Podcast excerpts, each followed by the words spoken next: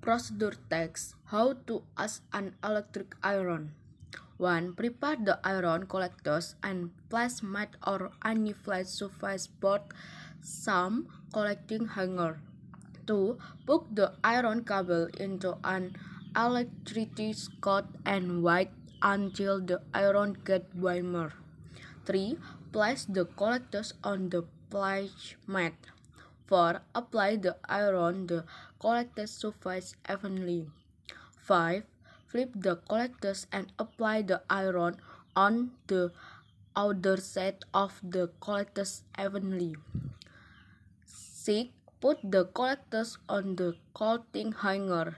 7. Continue with another collectors.